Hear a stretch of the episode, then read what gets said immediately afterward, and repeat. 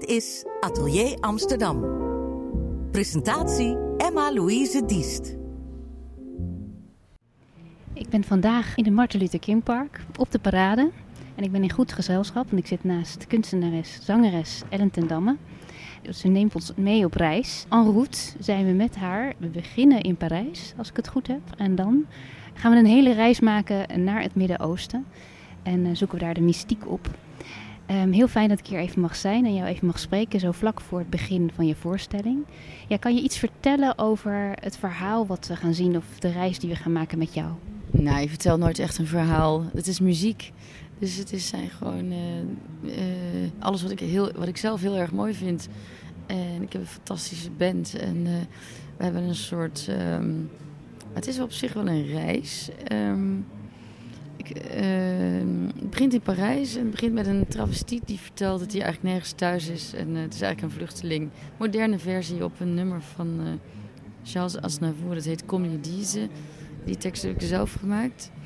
En vervolgens gaan wij dus de terugreis doen. Wij gaan dus juist naar uh, Noord-Afrika. En dus we doen Arabische nummers. Um, en een paar echte Parijse nummers van... Nou, ik ben even helemaal kwijt met de bananenrok. Hoe heet het? Josephine Baker? Josephine Baker, ja. Ik was laatst in het museum. dat is haar huis in Frankrijk. Een kasteel. Heel leuk, inspirerende vrouw. Die... Um, nou ja, even, dus even snel. Zij adopteerde elf kinderen uit alle windstreken als voorbeeld voor de hele wereld van dat, dat iedereen met elkaar heel goed kan samenleven. en um, fijn, daar was ik laatst. Ik dacht, oh, ik wil nummers van haar doen. Um, is het belangrijk dat een muzikant of een componist bij jou gaat leven? Dat, het, dat je meer over diegene weet voordat je de muziek gaat zingen of gaat integreren in jouw tour?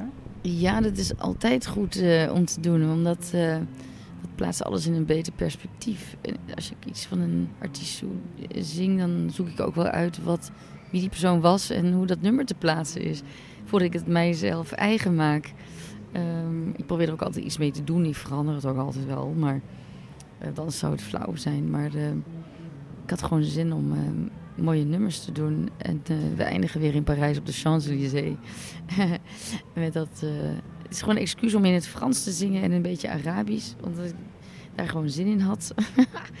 um, maar de, ja, alles komt een beetje aan bod. Ook de oprukkende woestijn.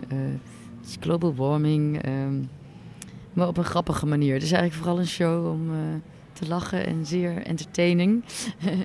We hebben veel succes ermee, gelukkig. Uh, het zit ook een keer vol. We doen zelfs vier op een dag. En zo heb je stiekem meer mensen dan Carré op één dag. Er zitten wel 2000 mensen bijna per dag. Dus het fijne gevoel wat jij krijgt bij die muziek, dat ontstaat ook bij het publiek. Kan je iets vertellen wat die muziek bij jou doet? Want we beginnen ook met de Franse chansons en daar eindigen we ook weer een beetje mee. Dat zit verweven door jouw voorstelling. Wat maakt die muziek zo aantrekkelijk voor jou? Waarom is dat zo belangrijk? Nou, ik vind helemaal niks belangrijk. Er zit trouwens ook Ramstein in, uh, maar uh, er zit allerlei gekkigheid in. Um, ik weet niet, het moet gewoon bij mij passen. Dus het moet lekker zingen. Ik vind uh, Frans is goed voor mijn zang. dat zit voor in de mond en dat helpt voor je techniek. Um, nee, ik krijg er zelf energie van. Ik, uh, en ik merk dat mensen het ook heel mooi vinden. En normaal doe ik eigen nummers heel vaak. maar nu even niet. Of een beetje maar. Mm, het geeft gewoon energie en het geeft iedereen energie. Ik kan gewoon zien aan, het, aan de mensen op het terrein wie naar de voorstelling is geweest en wie niet. De mensen die zijn geweest, die kijken echt veel blijer. dat is echt grappig. Dus blijkbaar, het geeft energie, deze show in ieder geval. En ik probeer het met Casablanca, de grote tour. Dit is eigenlijk gewoon voor mij een try-out uh, voor de grote tour. Uh, waarmee we 120 keer door het land gaan dan staan we trouwens ook elf keer in de Lamar rond kerst. Dus dat wordt een show die echt chic moet zijn en heel mooi. Dit is ook heel mooi, maar mm, in een groot theater kan je nog meer doen met licht en decor. Dus... En voelt dit een beetje als uitproberen om te kijken wat met dat ruw materiaal, om te kijken wat voor jou goed voelt? Ja, het is zeker. Het heet uitproberen, maar dat, eigenlijk probeer je alleen de eerste week misschien wat uit. Daarna het mooie van de parade is dat je drie of vier keer of vijf keer op een dag speelt. En dan kan je het meteen veranderen of aanpassen. Meteen uitproberen en kijken hoe, het gaat. Dus het zijn allemaal kleine details die je elke keer toevoegt of uh, weghaalt. Uh, met de muzikanten samen, muzikale details. En normaal uh, reis je naar een andere stad om je, de volgende dag of zo om iets uit te proberen. En dat, dan weet je nooit precies hoe het werkt. En nu kan je zo snel verbeteringen doen. dat, ja, daar wordt het gewoon heel goed van. Maar dit is maar drie kwartier en de show wordt straks 2,5 uur of zo. Dus dit is nog maar een derde wat ik zou kunnen gebruiken. Ik weet ik nog helemaal niet of ik dat ga doen. Speelt dat in je achterhoofd dan? Je bent bezig met deze voorstelling, die neemt je natuurlijk helemaal in beslag. Maar dat toch ergens in je achterhoofd die tour speelt en die show die langer moet gaan zijn. Ja, ik ben altijd minstens anderhalf jaar bezig met de voorbereiding voor een nieuwe show. Het bouwt zich helemaal op. Ik begin eerst met try-outs met een eh, pianist. Alleen maar om liedjes uit te proberen, letterlijk. En dan gaan we, ga ik daarna uh, vaak een plaat maken, studio-opname of, of live. Nu in het concertgebouw hebben we een nieuwe plaat gemaakt met orkest. Dus dan moeten de arrangementen gemaakt. Dus dan zit je al helemaal in, die, uh, uh, in het materiaal. Dit keer hadden we heel bijzondere Syrische gastmuzikanten. En normaal heb ik ook meer strijkers erbij. Dat past allemaal niet op de parade, maar komt straks wel weer in de tour. Um, dus dan neem ik een plaat op. Dus dan ben je al heel precies bezig. En daarna ga ik dan weer met de band uh, try-outen verder. Om theatrale aspecten meer toe te voegen. Dus je bent het eigenlijk aan heel langzaam aan het opbouwen? Ja, ja al heel lang ben je dat aan het opbouwen. En voordat je muziek gaat maken, is er dan ook een moment dat je um, alleen maar kijkt en luistert, bijvoorbeeld voor jezelf, om een bepaalde visie te krijgen, een bepaald beeld voor jezelf? Dat, helemaal, dat moment dat helemaal voor jou is alleen. Uh, dat, ik weet nog zeker of ik de vraag goed begrijp. Dat je uh, voordat je begint om met andere mensen in contact te komen om dingen echt daadwerkelijk te gaan zingen en te gaan maken, dat je ook een moment hebt voor het, hele proces dat je bij jezelf te raden gaat welke kant wil ik op. Ja, dat is er zeker. Ik ga, nou, meestal heb ik wel een idee. Dus ik heb een idee en dan ga ik uh, heel veel nummers luisteren en ook mensen bij mensen te raden van wat vind jij mooi, wat vind jij mooi, heb je tips of, of gewoon materiaal verzamelen. Dan ga ik luisteren en een beetje schrijven en ideeën. Dan ga ik eens praten met uh, een regisseur of een, uh, een uh, producer of met wat bandleden. Ben gewoon een beetje brainstormen en dan vormt zich een idee. En dan komen er art directors bij en uh, decorontwerpers en weet ik veel. Allerlei mensen komen erbij. je vertelde ook over het huis van Josephine Baker waar je was. Waar je dus allerlei inspiratie kreeg of in ieder geval een fijn gevoel waar je wat mee kon. Is dat ook iets wat je hebt ondernomen specifiek voor deze tour? Ja, ik heb ook een beetje Charles Aznavour nummers aan, aan uh, in verdiept. En uh, een beetje Arabische nummers, wat, wat mooie Arabische nummers zijn. Dus ik ga me gewoon een beetje verdiepen in. Ik ga lessen nemen. Ik heb buikdans, één na één, maar één buikdansles. En wat Arabische les en wat. Uh, ik, ik, probeer ook altijd mijn Frans weer bij te spijkeren. Dus ik heb zo wat uh, mensen waarbij ik dan lessen neem. En uh, ook zangles, van alles. Het lijkt wel alsof het een heel groot project is. Er zoveel facetten heel belangrijk voor je zijn. Kan het soms ook overweldigend zijn dat het te veel wordt? Of hoe hou je het voor jezelf duidelijk? Um, nou, je, je zet elke keer een stap.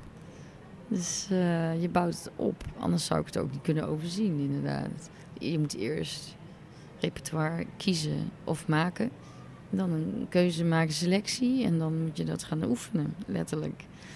Dus door het vele doen uh, gaat het in je systeem zitten. Die Franse teksten vind ik behoorlijk moeilijk om dat uit mijn hoofd te leren. Het duurt best lang uh, voordat ik dat, voordat ik echt dat kan dromen, zeg maar. En ermee spelen. Of, en ook nog dansers bij doen of wat dan ook. Of met publiek eh, alles in de gaten houden. Dus dat moet eerst allemaal. En dan, uh, ja. Uh, dus, ja, stap voor stap. Anders is het inderdaad. Want bij elke nieuwe show denk ik van wat nu? Wat, ik zou niet weten wat. Ik heb geen idee. Dus het is altijd een leeg vel. Of een, is dat een spannend moment als je nog even niet weet wat je wil gaan doen? Ja, dat is altijd heel spannend, maar ik weet dat het altijd goed komt. Dus uh, ik weet niet, op een manier komt het altijd goed. je, je, voelt die rust wel, dat het goed komt? Ja, ja inmiddels wel. Want ik ben nu oud genoeg en uh, ervaren genoeg dat ik weet, oké, zo gaat het altijd. Er is niks. En dat is ook het leuke, er is niks. En twee jaar later, uh, of anderhalf jaar later, staat er een grote show met alles erop en eraan. Ja, hoe belangrijk is het voor jou om nieuw terrein uh, te verkennen? Je zegt ik ga Arabische nummers zingen. Dat lijkt me weer iets heel anders vragen van je stem bijvoorbeeld. Als je zegt het Franse chanson dat zit je lekker, dat is voor in de mond. Maar het Arabische lijkt me weer heel anders voelen. Hoe belangrijk is het voor jou om zoiets nieuws je eigen te moeten maken? Ja, dat is heel belangrijk. Want ik vind het echt leuk om uh, elke keer iets nieuws te leren. En dat houdt het voor mijzelf ook leuk. Um, want je zit niet meer op school. Maar ik vind het wel leuk om... Uh, om mezelf elke keer opdrachten te geven. En ook om fit te blijven. En uh, ja, ik wil gewoon zo goed mogelijk zijn. En, dus, uh, en ook niet sleets. Dat, het, dat je steeds uh, doet wat je altijd al doet of zo. Wil je dat ook een beetje van je publiek? Dat je je publiek ook wakker houdt? Nou, ik denk dat mensen dat ook wel van mij verwachten. Dat ik elke keer met verrassingen kom. Of ja, dat het nooit hetzelfde is eigenlijk. Denk ik. Dan vraag je ook misschien wat van het publiek om ook wakker te blijven en niet achterover te gaan leunen, bijvoorbeeld. Nou, dat is een groot gezegd. Ik bedoel, ze weten, het is gewoon dat als ik optreed, weet je wel ongeveer wat je kan verwachten. dan, uh, uh, dat is in, ieder geval hopelijk nooit saai. Ik, sta, ik zit nooit stil op een barkruk, wat trouwens ook heel mooi kan zijn hoor. Daar niet van. Maar uh, zolang ik kan bewegen, vind ik het leuk om. ja, uh, wat spektakel te bieden eigenlijk. Ja. En is dat denk je die glimlach die mensen op hun gezicht hebben als we nu bijvoorbeeld over het paradeterrein lopen, als je die herkent? Ja, ja ik denk dat het daardoor veel energie geeft uh, aan mensen. Dat hoor ik gewoon ook heel vaak terug. Dat mensen helemaal uh, opgeladen en blij. En, uh, ja, dus dat vind ik wel leuk om te horen. Is dat fijn om met die energie de tour in te gaan? Om dit als eerst te doen, dus de parade? Um, ja, nou soms vind ik, zeggen mensen ook wel eens de parade is toch eigenlijk veel te, hoe zeg je dat? Te, te, te klein voor mij eigenlijk. Hè? Of zo. Dus zo van, dat is een beetje, er staan ook veel beginnelingen op de parade. Maar in deze grote tent uh, hebben, ja, vind ik, dat vind ik eigenlijk niet. Ik, vind het, ik hou er wel van, van het laagdrempelige vind het zelf gewoon leuk. Um, dat het niet zo alleen maar. Het is niet leuk om alleen maar in het, in het pluche op te treden of zo.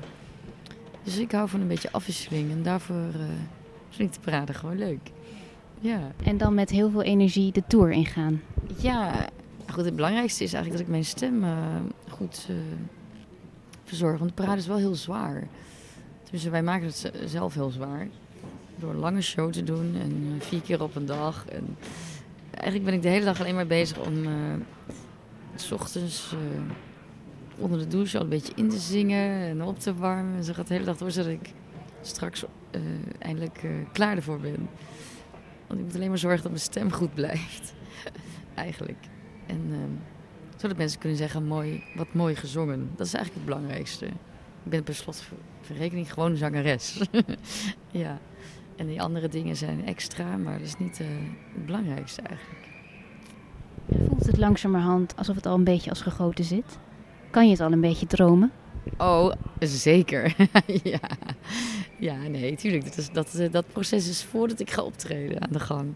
Zodra ik ga optreden, dan... Uh, ik bedoel, um, in de grotere zalen ga staan, dan is het uh, klaar. Ja.